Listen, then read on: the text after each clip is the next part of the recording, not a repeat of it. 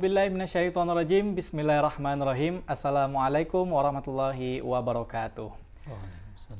Alhamdulillahirrabbilalamin Wassalatu wassalamu ala asrafil anbiya wa mursalin Wa ala alihi wassabihi rasulillahi ajma'in Teman-teman, rekan-rekan di mana pun Anda berada Alhamdulillah pada hari ini Senin tanggal 7 Juni 2021 Bertemu lagi dengan saya Wawan Saputra dalam program Sapa Prodi Nah, bagi teman-teman yang belum tahu program Sapa Prodi itu apa, jadi program Sapa Prodi ini merupakan salah satu program uh, yang dilaksanakan oleh PMBUAD bertujuan untuk mengenalkan program studi yang ada di UAD khususnya nanti kita akan berbincang dengan narasumber kita uh, kita akan berbincang mengenai prodi-prodi yang berkaitan dengan akreditasi, perkuliahan, peminatan, dan juga prospek kerja dan lain-lain sebagainya. Dan juga nantinya kita akan berbicara terkait tema-tema tertentu. Nah, teman-teman serta rekan-rekan di mana pun berada, Alhamdulillah pada hari ini telah hadir bersama kita narasumber kita hari ini yaitu Bapak Dik-Dik Baihaki Arif, Magister Pendidikan yang merupakan Kaprodi dari Pendidikan Pancasila dan Keluarga Negaraan. Langsung saja kita sapa narasumber kita hari ini. Assalamualaikum warahmatullahi wabarakatuh. Waalaikumsalam warahmatullahi wabarakatuh. Bagaimana kabarnya Pak Didik? Sehat, Alhamdulillah, Mas Wawan, Alhamdulillah sehat. sehat terus Pak ya. Nah, uh, Pak Didik, Alhamdulillah Pak, kita hari ini dapat menyapa eh, rekan-rekan uh, yang ada di Instagram dan juga ya. nantinya rekan-rekan yang ada di YouTube ya. Nah, dalam program Sapa Prodi. Nah, sebagaimana yang saya sampaikan tadi bahwasanya program Sapa Prodi ini uh, adalah satu salah satu program untuk mengenalkan kepada teman-teman untuk uh, prodi-prodi apa aja yang ada di UAD. Nah, uh, alhamdulillah pada hari ini uh, berkesempatan uh, Pak Didik ya selaku yeah. Kaprodi, Kaprodi dari ya uh, pendidikan keluarga negaraan, pendidikan, pendidikan Pancasila, Pancasila dan keluarga negaraan UAD. Ya. Nah, uh, baik Pak Didik, uh, mungkin Pak Didik bisa menyapa dulu teman-teman Pak. Assalamualaikum warahmatullahi wabarakatuh teman-teman semua. Salam kenal, saya Dik-Dik Bahyake Arif, Ketua Program Studi Pendidikan Pancasila dan Kewarganegaraan Universitas Ahmad Dahlan. Itu saya kira. Ya, baik uh, Pak Didik. Uh, hari ini kita mengangkat sebuah tema Pak ya. Jadi Sapa, Pro, Sapa Prodi ini bukan hanya sekedar untuk mengenalkan prodi-prodi, tapi kita ada sebuah tema yang akan ya. kita angkat nantinya.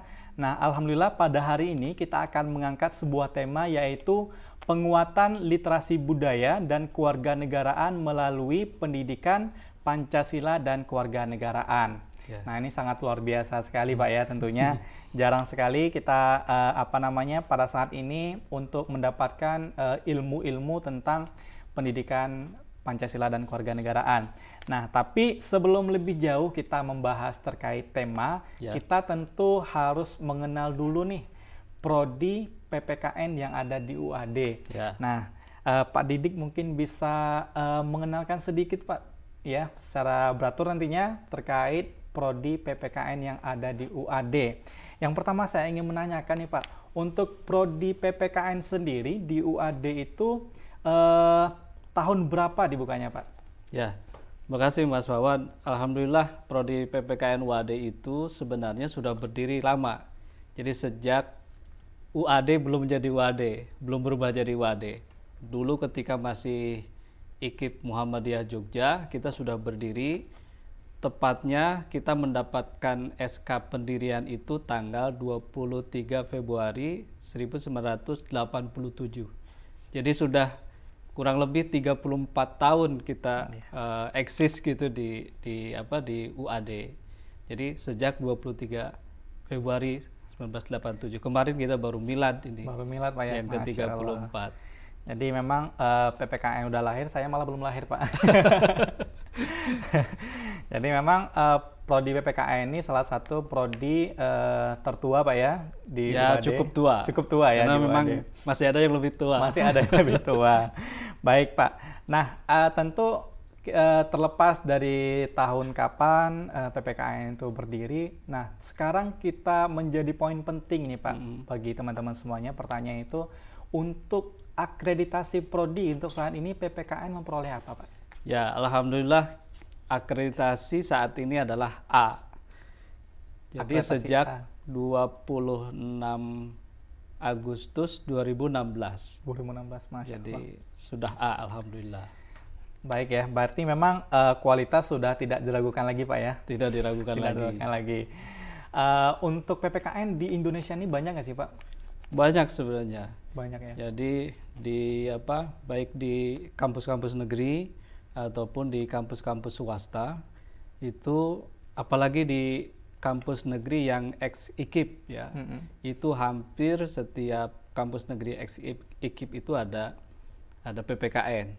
Nah belum lagi di swasta-swasta baik di uh, universitas, di uh, sekolah tinggi, termasuk juga ada institut uh, keguruan itu yang ada prodi PPKN.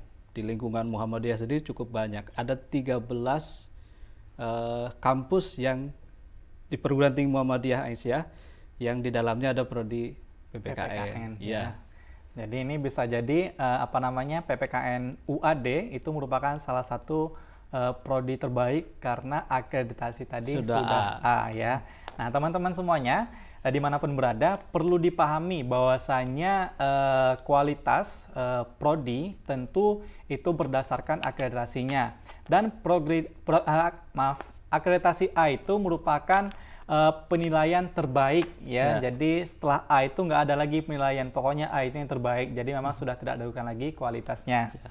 Nah, uh, baik Pak, untuk saat ini perkuliahannya di kampus berapa Pak? Saat ini kita kuliah di kampus 4. Kampus, kampus 4, 4 ya? UAD, ya, kampus terpadu ya. Iya. kampus yang paling besar lah di UAD. Alhamdulillah. Uh, kegiatan perkuliahan di biasanya kita laksanakan di lantai 5, lantai 6 gitu. Karena kita punya berapa lantai ya? Yeah. Cukup banyak. Ada 10 lantai dan kita di kampus 4 ini. Baik, Masya Allah. Jadi memang uh, teman-teman ini yang belum tahu juga. Hmm. Jadi mengapa UAD itu ada kampus 1, 2, 3, dan 4? Karena kita kampus UAD itu ada banyak. Jadi hmm. sekarang ini UAD memiliki 6 kampus. ya. Jadi 5 kampus yang berada di sekitaran kota Jogja yeah. dan satu kampus yang berada di uh, kota Wates, Kulon Progo dan kampus terpadu itu ada di kampus 4 yang berada di Ring Road Selatan. Nah, teman-teman yang belum pernah berkunjung ke kampus 4 2D, mari berkunjung. Tentunya dengan protokol kesehatan. Tuh. Nah, jadi uh, perkuliahan sudah jelas Pak ya di ya, kampus 4. Di kampus 4. Iya. Nah, uh, gini Pak, bagaimana kita tahu bersama bahwasanya untuk dua tahun terakhir Indonesia mengalami pandemi, pandemi ya. COVID-19 dan juga itu berimbas kepada uh, sistem perkuliahan, perkuliahan yang ada di UAD sendiri. Dan yang mengakibatkan dua tahun ini kurang lebih udah berapa semester, Pak? Hampir ini semester ketiga ini. Semester ketiga ya. semester ketiga. Semester ketiga kita semester ketiga udah mau selesai. Oh, udah mau selesai ya, Pak ya. Untuk sistem perkuliahan selama pandemi itu seperti apa, Pak? Ya. Kita mengawali pandemi itu kan dulu masih ingat uh, sekitar bulan Maret ya. Iya, betul. Maret 2020 uh, eh, mengikuti keputusan pemerintah kemudian UAD kan menetapkan kegiatan pembelajaran yang tadinya offline tatap muka di kelas kemudian berubah menjadi online. Iya. Nah, sampai hari ini kita masih melaksanakan perkuliahan uh, secara online. Mudah-mudahan nanti ke depan semester baru tahun akademik baru kita sudah bisa bukan hanya online tapi juga sudah offline atau yang kita kenal biasanya dengan uh, sistem blended learning atau pembelajaran model pembauran. Jadi di satu sisi ada online-nya, sisi yang lain juga kita bisa bertatap muka secara langsung. Mudah-mudahan di semester depan. Iya, amin ya. Karena uh, saya pribadi pun Pak merasa bahwasannya uh, perkuliahan online itu bikin capek Pak ya. bikin capek dan juga kita merindukan keramaian di kampus ya. betul, ya. Saya betul. kalau misalkan sebelum pandemi itu kalau misalkan teman-teman tahu itu di kampus 4 khususnya itu kalau misalkan pas jam-jam kuliah itu rame banget Pak. Rame, Iya. rame sekali. Sampai malah ma- antri lift aja itu Lift. banyak banget Pak ya. Desak-desakan juga Pak ya kalau Kita malah pas- rebutan ya. malah rebutan ya Pak ya. Tapi kapasitas lift kita kan besar. Iya, kapasitas lift kita besar, besar sekali. Besar nah, teman-teman, ya kita di kampus utama UAD di Gedung Terpadu. Nah, kita punya lift itu kurang lebih ada 8 lift ya. Jadi jangan khawatir eh, untuk kuliah yang nantinya kuliah di lantai 7 malah naik tangga jangan ya. Nanti malah teller duluan. ya. Eh, baik, Pak. Nah, eh, saya juga ingin menanyakan sih, Pak. Karena kan Bapak kan juga selaku dosen, Pak ya mengajarkan eh, mengajar kepada teman-teman mahasiswa dan juga nanti insya Allah teman-teman camaba nantinya eh, menilai kalau untuk sistem perkuliahan offline dan online itu eh, keluhan kalau misalnya kapasitas bapak sebagai dosen selama kuliah online itu beratnya di mana pak? Ya, kalau dari sisi saya sebagai dosen PPKN misalnya, keluhan yang mungkin dirasa oleh kita adalah eh, karena kita punya tugas eh, dosen-dosen PPKN, guru-guru PPKN ke depan itu kan punya tugas yang cukup besar sebenarnya. Bagaimana melatih, eh, mengajarkan, membiasakan tumbuhnya karakter bangsa yang eh, baik gitu ya. Nah, dalam berbagai literatur misalkan, karakter itu kan tidak hanya disampaikan saja eh, melalui proses pembelajaran eh, tatap muka atau online, tetapi sebenarnya perlu pembiasaan, perlu ada keteladanan. Nah, ini yang agak agak agak apa kesulitan kita karena ya hanya tatap muka lewat eh, dunia maya saja ya, di depan di depan laptop. Belum lagi kita minta apa on kamera misalkan. Iya. Ah, ternyata karena berbagai kendala ya kita juga sali- apa sangat memaklumi. Tidak bisa on kamera. Ah, sehingga rasa yang tadinya harus dibangun antara dosen dengan mahasiswa itu yang mungkin salah satu kendala. Apalagi ya dosen PPKN bagaimana melatih karakter melatih akhlak melatih budi pekerti kalau hanya tatap-tatapan di lewat layar Lewat saja. layar, nah itu itu sekali. tantangannya. Tantangan, Ya selain tantangan yang lain, barangkali juga dirasakan oleh eh, para mahasiswa itu adalah boros kuota mungkin ya.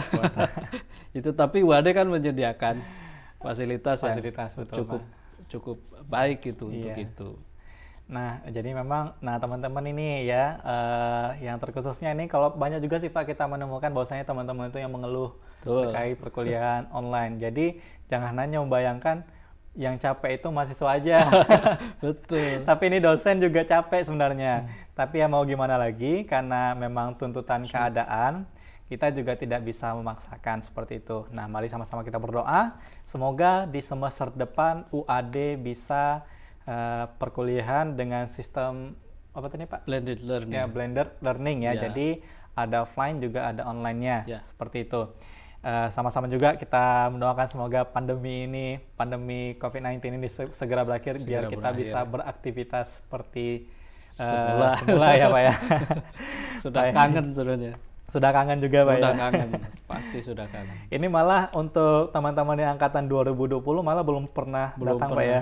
belum pernah itu di kelas-kelas saya kebetulan juga ngajar mata kuliah PKN ya di prodi yang lain saya coba tanya angkatan 2020 itu ada yang sudah pernah menginjakan kaki di UAD ternyata banyak juga yang belum pernah.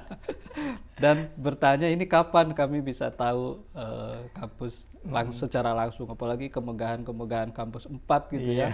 Mereka pengen sekali eh, apa langsung hadir di kelas gitu menyaksikan langsung. Mudah-mudahan lah segera. Amin, amin, amin, amin. Baik, eh, nah ini tentu teman-teman sudah tahu ya perkuliahan kita di PPKN khususnya di kampus 4 dan juga untuk sistem pelan pembelajarannya. Nah, eh, pengen nanya juga Pak, Ya. di apa namanya di setiap prodi itu kan pasti ada peminatan juga Pak ya. betul Kalau untuk PPKN sendiri, ini teman-teman kan pasti mikir, wah PPKN pasti belajarnya nanti eh, Pancasila, Pancasila. warga negaraan dan lain-lain gitu Pak ya. Nah sebenarnya itu apakah uh, yang di apa namanya pembelajaran di PPKN itu hanya sekedar Pancasila saja ya. atau kewarganegaraan atau ada hal-hal lainnya yang belum kami ketahui atau misalkan teman-teman belum ketahui ya. atau istilahnya peminatan lah seperti itu Betul. Pak.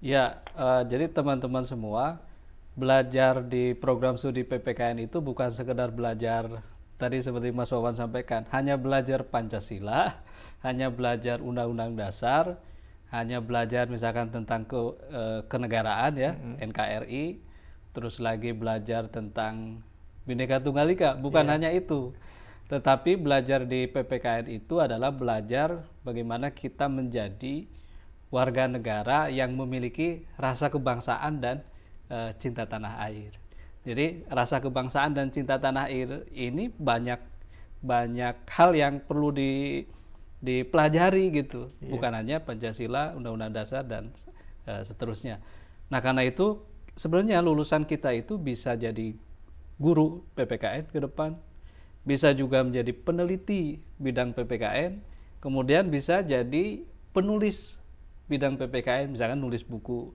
mata pelajaran PPKN atau yang satu lagi menjadi pengembang komunitas kewarganegaraan di masyarakat. Itu empat empat peminatan, peminatan ya, empat peminatan yang bisa di di apa di diambil oleh mahasiswa nanti. Oke, masya Allah. Jadi uh, ternyata belajar di PPKN itu tidak sesempit yang diperkirakan seperti itu, Pak ya. Baik, uh, teman-teman semuanya, rekan-rekan di mana pun berada, selanjutnya marilah kita saksikan iklan berikut ini.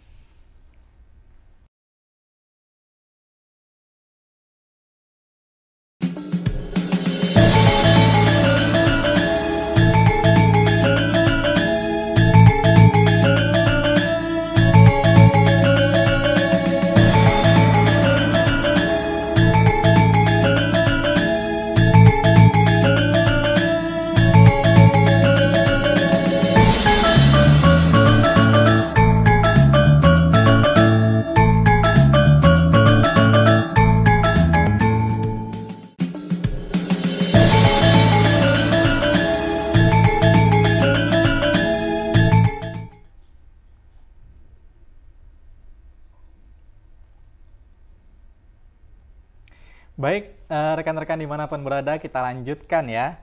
Uh, uh, tadi kita sudah disampaikan oleh Pak Didik uh, terkait peminatan maupun prospek kerja lulusan dari prodi PPKN, PPKN. itu sendiri.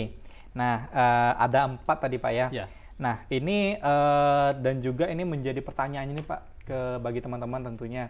Karena kan teman-teman ketika menjadi camaba itu mereka kan uh, ketika SMA aja nih Pak SMA kan mereka bukan hanya sekedar sekolah aja tapi ada yeah. kegiatan ekstrakurikuler dan yeah, lain sebagainya. Betul. Nah menjadi pertanyaannya apakah di PPKN ini eh, teman-teman tuh hanya belajar saja teori atau ada kegiatan-kegiatan akademik maupun non akademik yang bisa dilakukan oleh mahasiswa? Ya, uh, tentu saja seperti dulu teman-teman di SMA, yeah. di SMK, ya tidak hanya belajar akademik teori-teori saja. Jadi kita juga uh, memiliki apa unit-unit kegiatan untuk mahasiswa yang bisa mengembangkan potensi-potensi akademik maupun potensi non akademik dari para mahasiswa. Nah, karena itu mahasiswa sebenarnya bisa bergabung di ada organisasi-organisasi kemahasiswaan itu jelas kemudian ada uh, apa unit kegiatan mahasiswa tingkat universitas di kita yang cukup banyak itu yeah. yang memberikan kesempatan untuk mengembangkan diri berbagai potensi mahasiswa itu ya. Kemudian juga di tingkat prodi PPKN kita memiliki beberapa komunitas studi mahasiswa. Misalkan yang pertama ada uh, lingkar studi kewarganegaraan Kenapa lingkar studi kewarganegaraan? Karena kita melakukan kajiannya melingkar. Yeah. Gitu. lingkar studi kewarganegaraan ini biasanya lebih banyak fokus pada kajian-kajian akademik.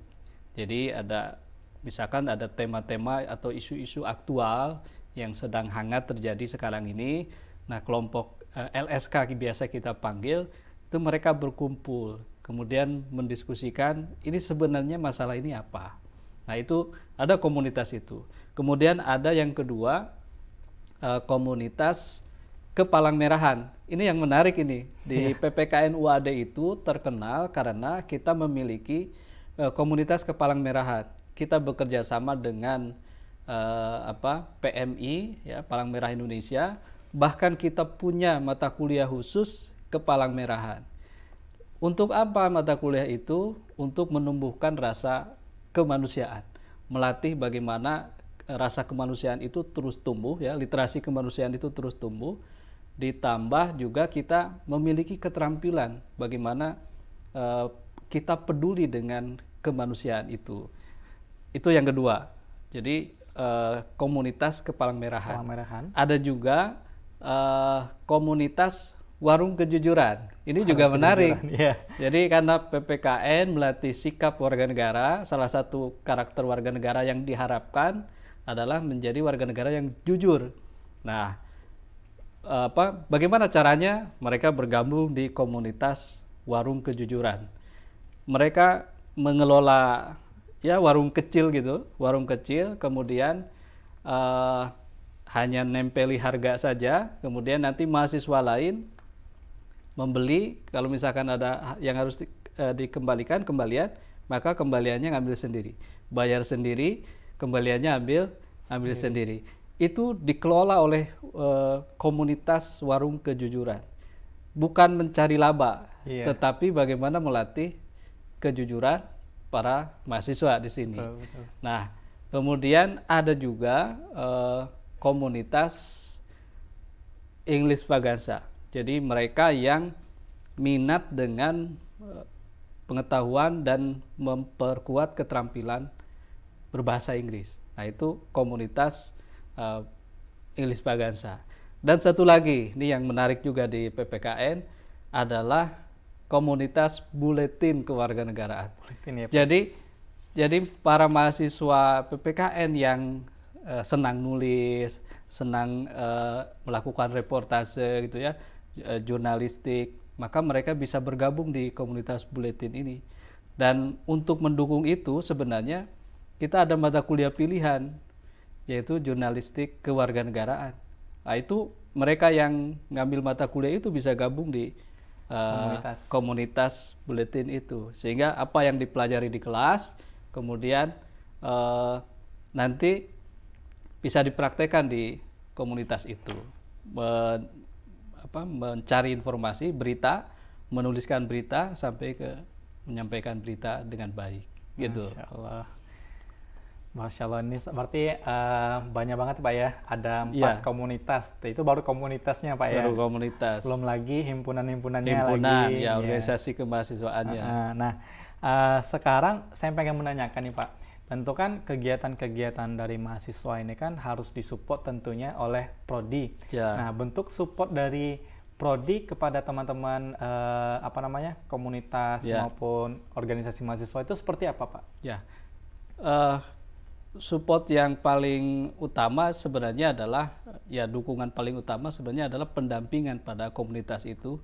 Kita memberikan keleluasaan kepada para mahasiswa untuk bergabung sesuai dengan minat, sesuai dengan uh, potensi mereka. Silakan bergabung dan kita akan dampingi. Setiap komunitas itu ada satu orang dosen pendamping atau bahasa lainnya mungkin pembina ya. Pembina. Ada satu orang dosen pembina sehingga betul-betul komunitas itu diarahkan untuk menumbuhkan potensi-potensi uh, mereka. Dan ada lagi yang menarik nih Mas Wawan. Iya. Jadi setiap komunitas itu UAD itu kan cukup besar ya. Iya. Jadi setiap komunitas mendapatkan dana stimulus untuk mengembangkan program-program kerja mereka. Jadi setiap komunitas itu ada ada dana yang di ambil melalui uh, apa dana pengembangan program studi. Jadi betul-betul dana pengembangan itu kita serahkan kepada uh, komunitas, komunitas ya teman-teman komunitas itu untuk mengembangkan program-programnya, melaksanakan program-programnya. Jadi sebenarnya sangat potensial sebenarnya komunitas-komunitas itu untuk mengembangkan uh, minat potensi para mahasiswa. Itu bagian dari dukungan kita gitu ya iya. kepada para mahasiswa di komunitas itu. Masya Allah. Jadi uh, sudah jelas ya teman-teman semuanya kalau misalkan di prodi PPKN itu selain eh, komunitas yang banyak, organisasi kemahasiswaan yang banyak, jadi bukan hanya sekedar organisasi belaka. Jadi teman-teman itu nggak hanya bergerak sendiri atau inisiatif Betul. sendiri saja, tapi tetap ada namanya dukungan dari eh, dosen Ya. atau misalkan dari prodi yang seperti Pak Didik sampaikan tadi, dukungan baik berupa pembinaan, dan Pembinaan. juga ada stimulus untuk Ah. program kegiatan, Pak ya. Betul, betul. Nah, ini sangat menarik sekali ya teman-teman ya. Eh, dan tentu hal ini bertujuan untuk meningkatkan eh, kemampuan potensi tadi Pak ya, potensi Betul, akademik maupun non akademiknya. Ya. Insya Allah. Nah, terlepas dari eh, komunitas tadi atau kegiatan tadi, tentunya kan ada output Pak ya. Ya. Outputnya pasti berupa eh, prestasi. Betul. Nah, kalau boleh tahu nih Pak, apa saja sih prestasi yang sudah diraih oleh mahasiswa PPKN itu sendiri? Ya. Sebenarnya ada dua kategori ya prestasi Iya. itu. Ada prestasi akademik, ada prestasi non akademik. Di prestasi akademik misalkan dalam eh, bidang pembelajaran, mahasiswa-mahasiswa PPKN yang berasal dari komunitas-komunitas itu pernah menjuarai eh, menjadi juara pertama eh, lomba media pembelajaran PPKN di eh, waktu itu di Universitas Pendidikan Indonesia di Bandung. UPI ya. Ya, jadi dari sekian banyak peserta, kita kampus swasta justru jadi juara pertama media pembelajaran PPKN. Itu sangat menarik medianya. Kemudian juga pernah di Semarang eh, menyelenggarakan ada oh, di Semarang dan di Malang. Kalau di Malang itu ada lomba proyek kewarganegaraan dari Universitas Negeri Malang. Di sana eh, mahasiswa-mahasiswa kita berhasil meraih juara. Tidak juara satu tapi juara dua. Juara dua proyek kewarganegaraan. Proyek kewarganegaraan itu menganalisis isu-isu yang berkembang yang ada di lingkungan. Kemudian bagaimana mahasiswa kita itu menyusun alternatif solusi untuk eh, isu atau masalah yang sedang berkembang itu. Kita dapat eh, juara kedua. Kemudian ada juga yang lomba esai di Lampung itu.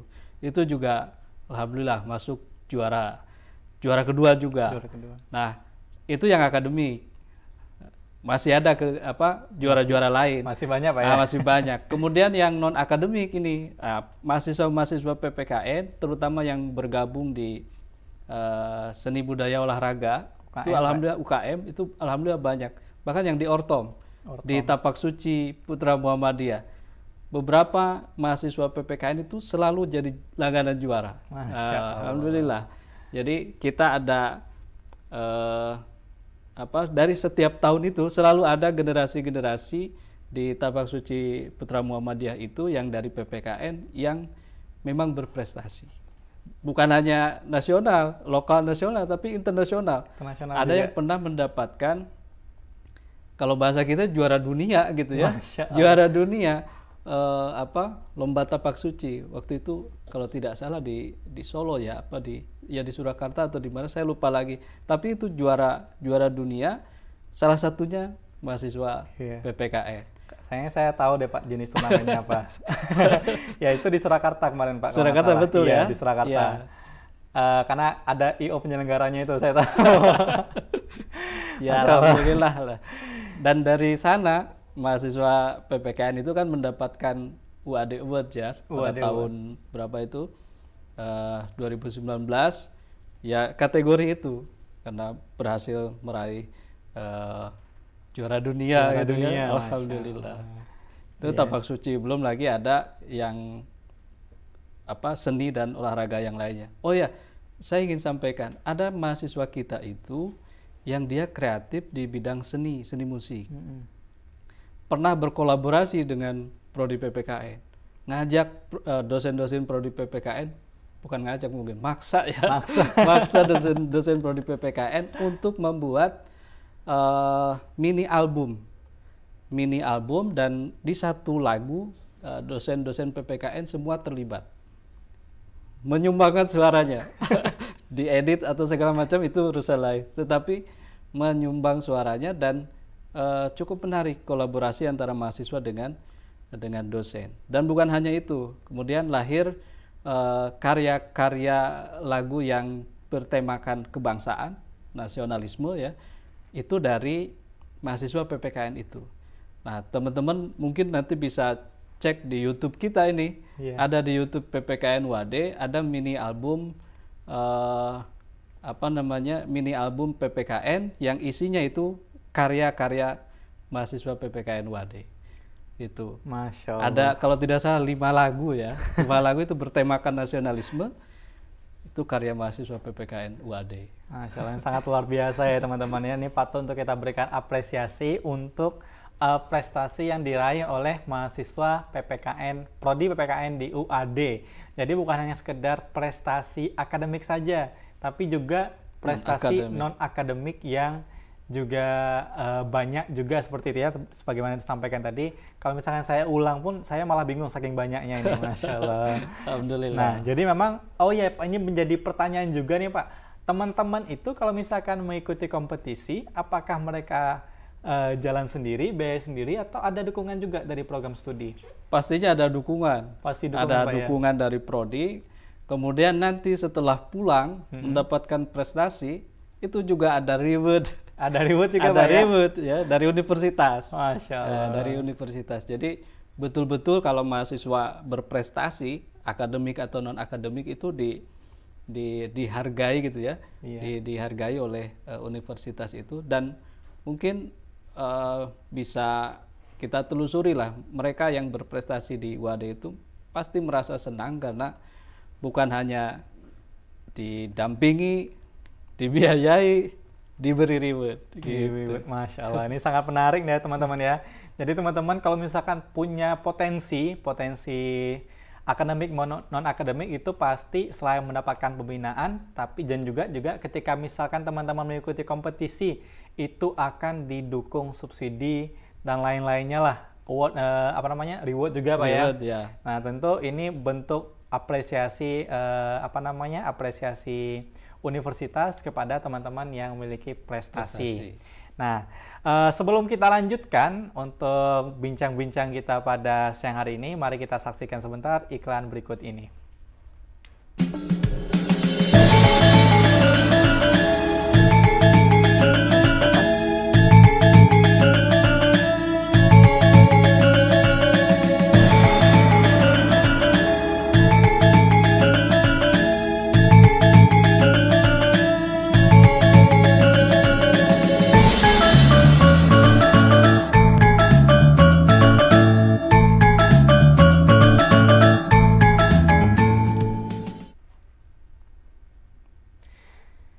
Baik teman-teman semuanya, kita lanjutkan bincang-bincang kita siang hari ini Sapa Prodi bersama Pak Dik-Dik Bayaki Arif, Magister Pendidikan yang merupakan Kaprodi Pendidikan Pancasila dan Kewarganegaraan UAD. Nah, tadi sebelumnya kita sudah berbincang terkait apa namanya mengenal lebih jauh PPKN UAD itu mulai dari akreditasi, eh, peminatan, prospek kerja, kegiatan mahasiswa, bahkan sampai terakhir tadi prestasi mahasiswanya. Nah, sekarang kita kembali ke tema acara kita pada hari ini. Nah, teman-teman semuanya, Sapa Prodi kita hari ini kita akan mengangkat sebuah tema yaitu penguatan literasi budaya dan keluarga negaraan melalui PPKN. Nah, ini ilmu baru Pak ya. Ilmu ilmu yang jarang juga teman-teman ketahui. Yeah. Nah, langsung saja nih Pak uh, Didik bisa menyampaikan uh, ilmunya lah mengapa sih Pak kita hari ini mengangkat tema ini gitu? Ya, baik. Ini tadi dikatakan ilmu baru ya. ya. Sebenarnya sejak 2016 itu Kementerian Pendidikan dan Kebudayaan kan melaunching uh, satu program gerakan literasi nasional.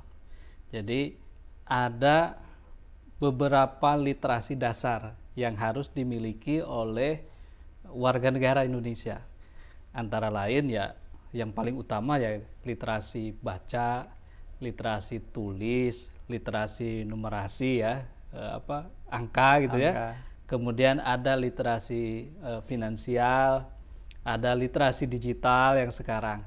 Nah, kemudian yang keenam itu ada salah satunya adalah literasi budaya dan kewargaan atau kewarganegaraan, kewarganegaraan. tidak jadi masalah.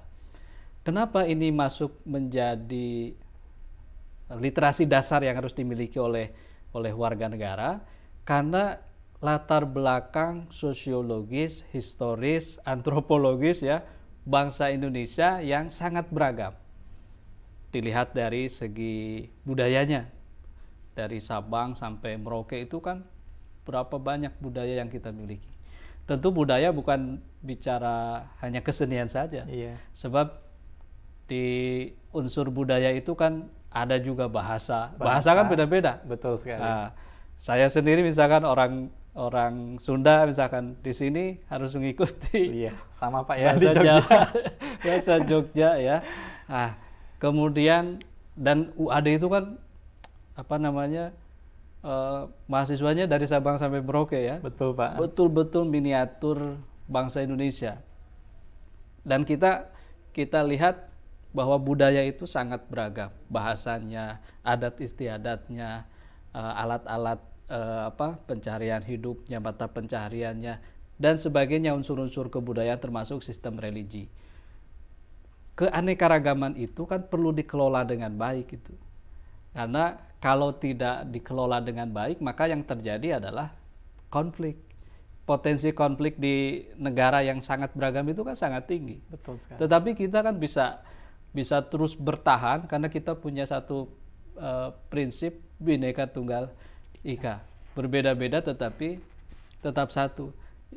Itu tentu bukan hanya semboyan, tapi itu terus harus di di apa? dilatih, dibelajarkan, dikelola dengan baik sehingga masing-masing warga negara itu bukan hanya tahu bahwa kita itu beragam, tetapi yang terpenting adalah bagaimana kita mengelola keberagaman itu. Nah, karena itulah kita butuh literasi budaya.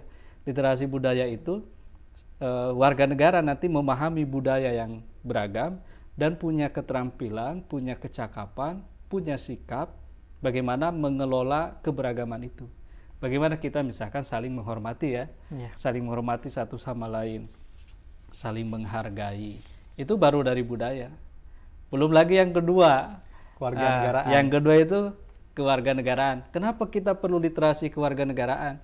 Kita tuh warga negara yang karena latar belakang yang berbeda itu, maka kita punya eh, apa namanya pola hubungan antara kita dengan warga negara yang berbeda itu.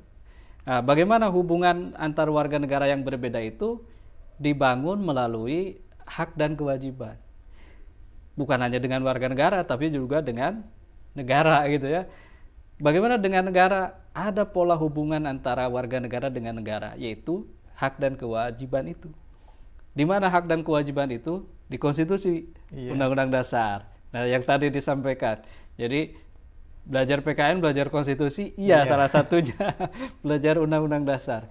Jadi literasi budaya, eh, literasi kewarganegaraan itu sebenarnya bagaimana melatih warga negara agar dia tahu, dia paham, dia punya kecakapan, ya keterampilan dalam pelaksanaan hak dan kewajibannya sebagai warga Negara. negara. Nah, literasi budaya dan kewarganegaraan itu bagaimana melatihnya? Nah, kita tawarkan itu dengan PPKN. Gitu. Kenapa? Karena di PPKN urusan budaya ya dipelajari. Iya. Kewarganegaraan apalagi. Apalagi. Itu intinya gitu kan. Iya. Itu intinya. Maka penguatan literasi budaya dan kewarganegaraan ini bisa dikuatkan melalui PPKN. PPKN. Maka baik di program studi PPKN ataupun melalui mata pelajaran PPKN sebenarnya kita melatih eh, warga negara ini agar melek dengan budayanya artinya tahu dan bisa mengelola budaya itu dengan baik kemudian melek dengan eh, keanekaragaman warga negara yang ada hubungannya dengan warga negara hubungannya dengan pemerintah atau dengan Pemerintah. Negara. Ba- bagaimana sih seharusnya kita dengan negara nih?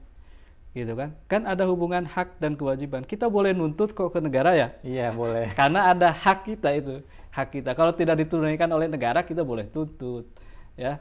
Kemudian tapi jangan lupa apa? Satu lagi kewajibannya. Jangan hanya nuntut tapi juga tunaikan Kewajiban. kewajibannya. Apa kewajibannya? Wajib taat pada aturan hukum. Hukum. Itu kewajiban kita. Selain biasanya wajib apa kewajibannya? Bayar pajak. Bayar pajak. Itu selalu tuh. umum Pak ya. Oh, umum tuh. Pertanyaan di kelas, apa kewajiban kita? Bayar pajak. Bayar pajak. Jawabannya itu. Padahal bukan hanya itu. Wajib taat pada aturan hukum. Wajib taat pada pemerintahan. Wajib mengikuti pendidikan dasar itu kewajiban kita. Kemudian wajib bela negara, wajib ikut serta dalam upaya pertahanan dan keamanan negara. Negara. Itu. Dan kewajiban-kewajiban lain yang harus kita laksanakan secara seimbang. Kalau dengan dengan hak ya, kalau itu bisa dilaksanakan dengan seimbang, maka kita sudah melek, sudah literat dengan eh, kewarganegaraan dan budaya itu. Itu itu inti dari mengapa kita perlu literasi budaya, perlu literasi kewarganegaraan. Masya Allah, ini baru awalnya itu langsung menggelegar gitu Pak ya. nah ini yang jarang jarang sekali, apalagi di masa-masa sekarang ini, eh, terkhususnya itu anak-anak muda Pak ya. Betul. Kita mulai lagi pada anak-anak muda terkait eh, kurangnya literasi budaya dan kewarganegaraan. Tentu eh, apa namanya konflik-konflik yang terjadi di negara kita pada saat ini, ini tidak terlepas dari literasi budaya dan kewarganegaraan Ya. Pak ya. Betul. Eh, mengapa banyak orang yang berselisih pendapat eh, masalah budaya, ada juga masalah politik juga. Tentu ini berkaitan erat dengan literasi budaya, Budaya dan, dan kewarganegaraan. Nah, ini menjadi pertanyaan saya pribadi nih, Pak, ya. nah, eh, tentu kalau untuk menguatkan literasi budaya dan kewarganegaraan kan kita butuh referensi, Pak. Betul. Nah, dengan kondisi yang saat ini, bagaimana sih Pak kita untuk anak-anak muda khususnya itu bisa melek dengan literasi eh, referensi dengan untuk mencari literasi budaya dan kewarganegaraan ini Pak? Ya, untuk referensi dasar ya tentang literasi budaya dan kewarganegaraan ini sebenarnya ini sudah bisa di apa diunduh langsung di internet banyak sekali.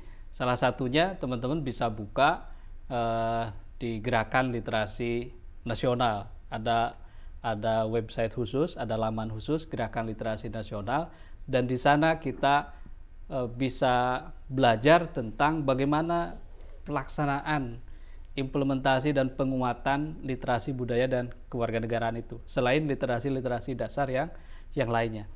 Mas Wawan ini termasuk juga sebenarnya literasi budaya dan kewarganegaraan itu seperti tadi disampaikan di generasi-generasi muda kan sekarang eh, rawan sekali terpapar oleh berita-berita hoax Betul sekali. Nah, itu rawan sekali.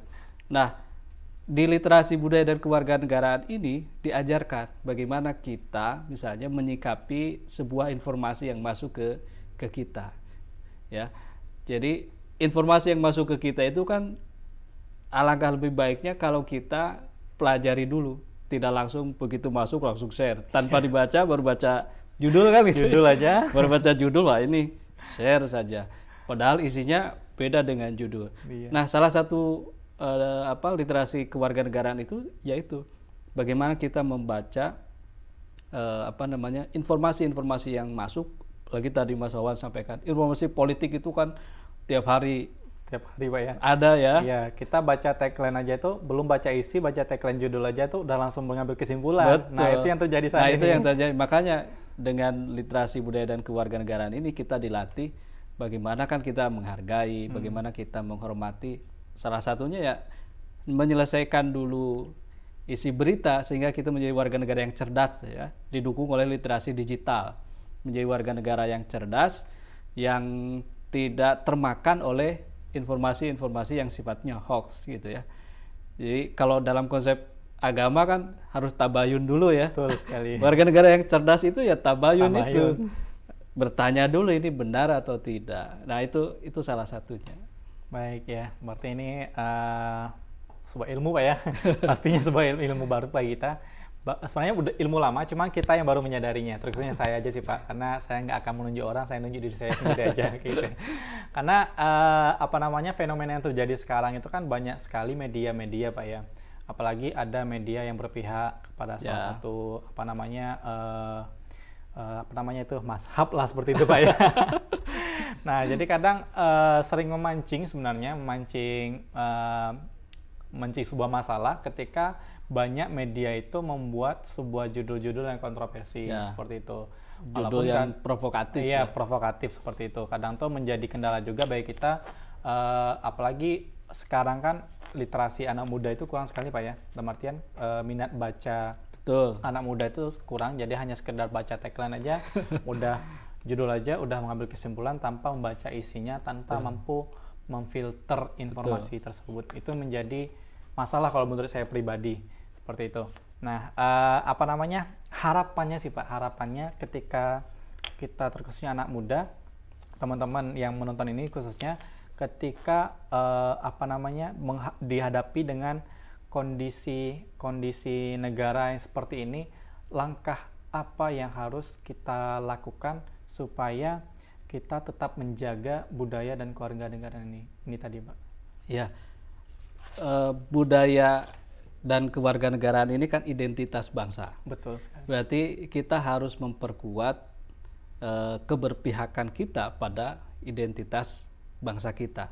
Karena banyak ya memang seperti tadi disampaikan generasi-generasi muda kita itu literasi bacanya itu kan termasuk rendah, gitu Rendah, ya. iya. Eh, apa pun yang masuk dia konsumsi tanpa di di filter. Filter. Dia tidak bisa membedakan mana ik- apa mana yang termasuk identitas bangsa kita dan mana yang bukan identitas bangsa kita. Semuanya diterima gitu ya. Nah, karena itu perlu perlu penguatan terus-menerus untuk eh, identitas bangsa ini melalui pembelajaran di kelas, melalui eh, keluarga juga ini sangat berperan penting dan melalui lingkungan eh, masyarakat. Itu tiga kelompok yang bisa menguatkan literasi budaya, Budaya. dan literasi kewarganegaraan. Kewarganegaraan. Gitu. Masya Allah, ini sangat luar biasa sekali ya teman-teman yang di mana pun berada.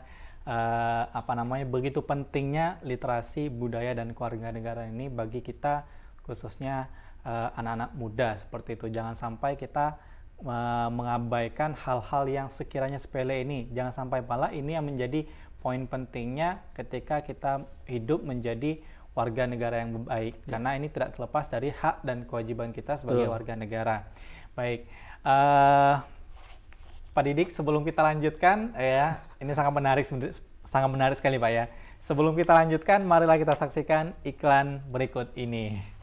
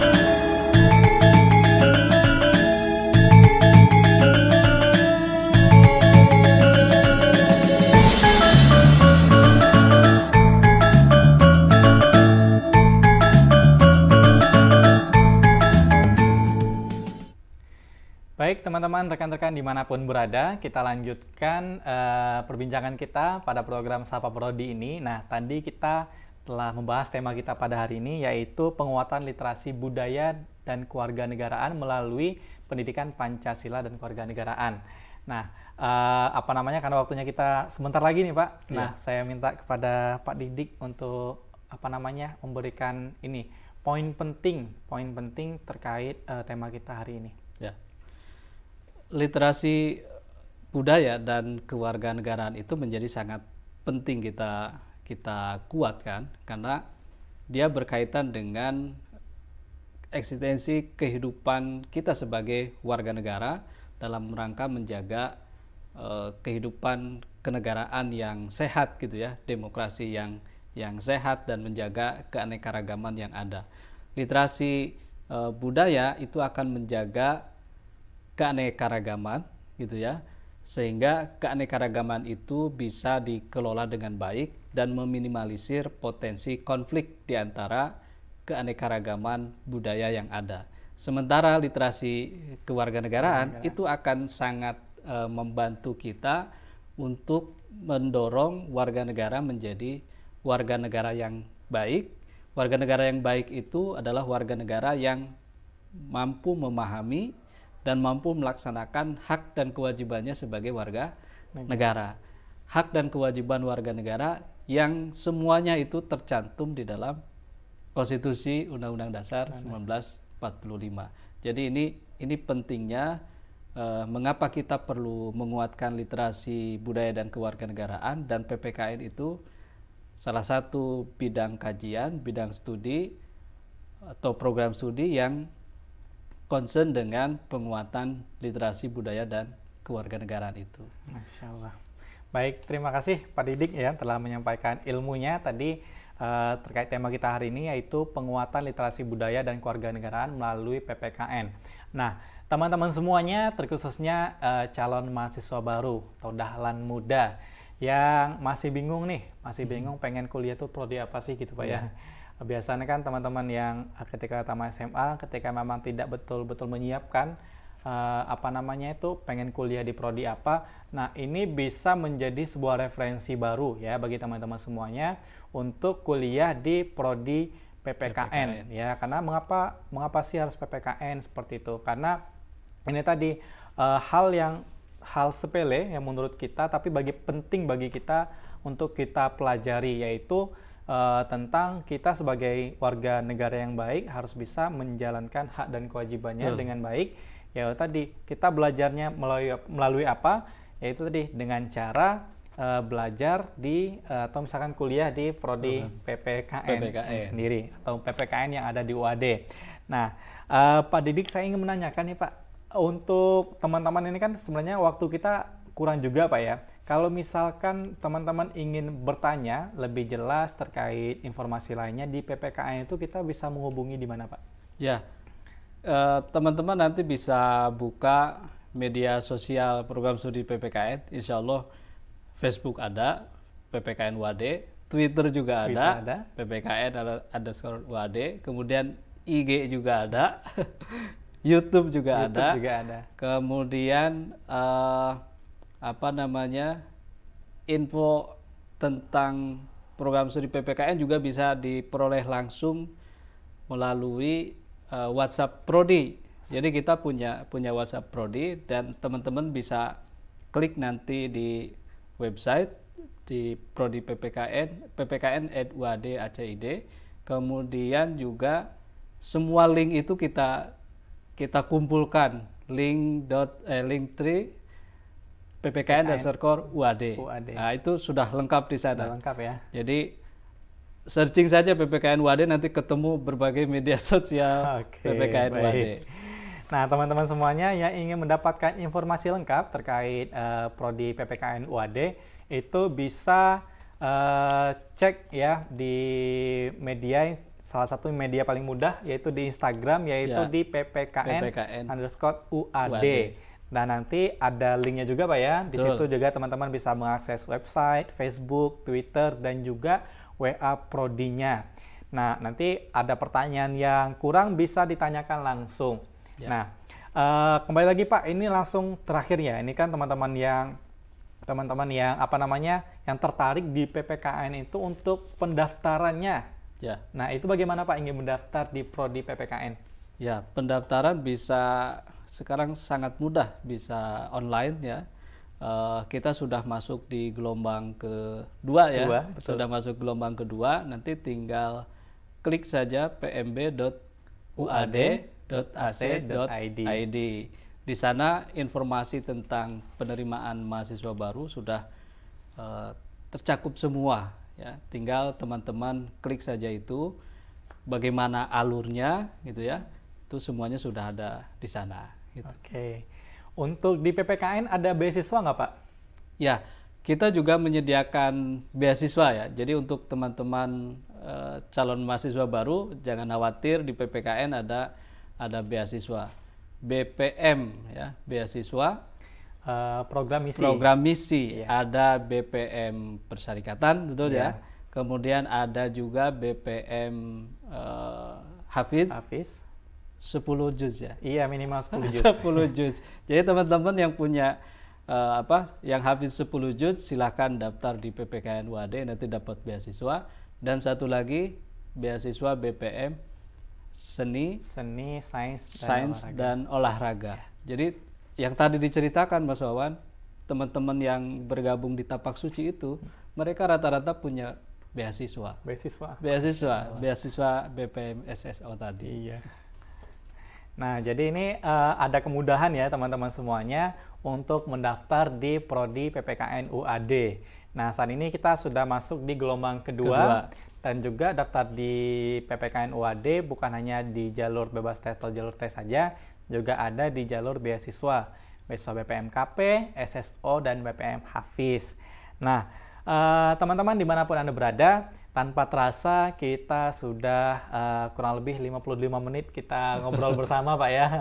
Nah, selanjutnya saya minta kesediaan Pak Didik untuk menyampaikan closing statement dan juga pesan-pesan kepada teman-teman yang menonton siaran program Sapa Prodi kita hari ini. Ya. Monggo silakan Pak. Ya, terima kasih uh, teman-teman semua.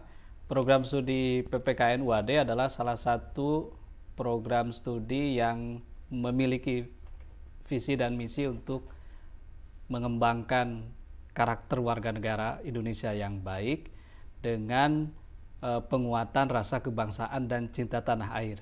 Dan yang menarik adalah bahwa penguatan rasa kebangsaan dan cinta tanah air di PPKN UAD ini dilandasi oleh nilai-nilai al-Islam.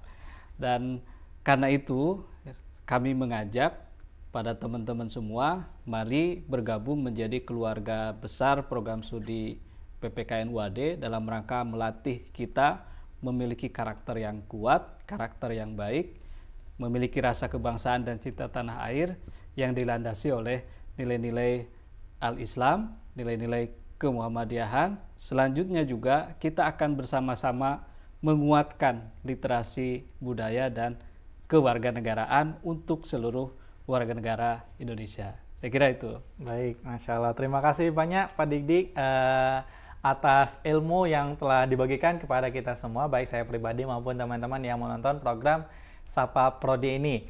Nah, teman-teman jangan khawatir, live streaming kita hari ini bukan hanya hilang di, di sini aja. Nanti insya Allah untuk live streaming ini akan kita upload juga di IGTV PMBUAD uh, eh, dan juga kita share juga di YouTube kami yaitu di pmb.uad. Jangan lupa nanti di like and di subscribe. Nah, teman-teman semuanya tanpa terasa kita sudah di penghujung acara. Uh, tadi sudah ditutup juga closing statement oleh Pak Didik.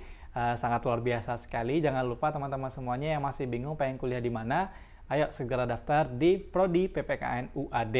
Nah, langsung saja uh, di sini saya selaku host pada hari ini Wawan Saputra mengucapkan terima kasih yang sebanyak-banyaknya kepada teman-teman yang berada di rumah ataupun di mana pun yang telah uh, menyempatkan waktunya untuk menonton acara Sapa Prodi pada hari ini. Dan juga terkhususnya saya mengucapkan terima terima kasih kepada Pak Didik atas waktunya dan antara kesibukan untuk mengajar masih sempat untuk datang di acara Sapa Prodi ini.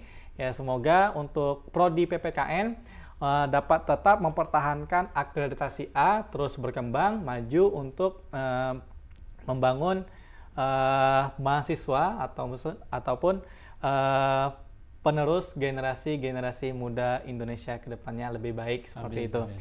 Sekali lagi uh, saya mengucapkan terima kasih dan juga mohon maaf apabila dalam acara ini banyak silap dan salahnya dari saya.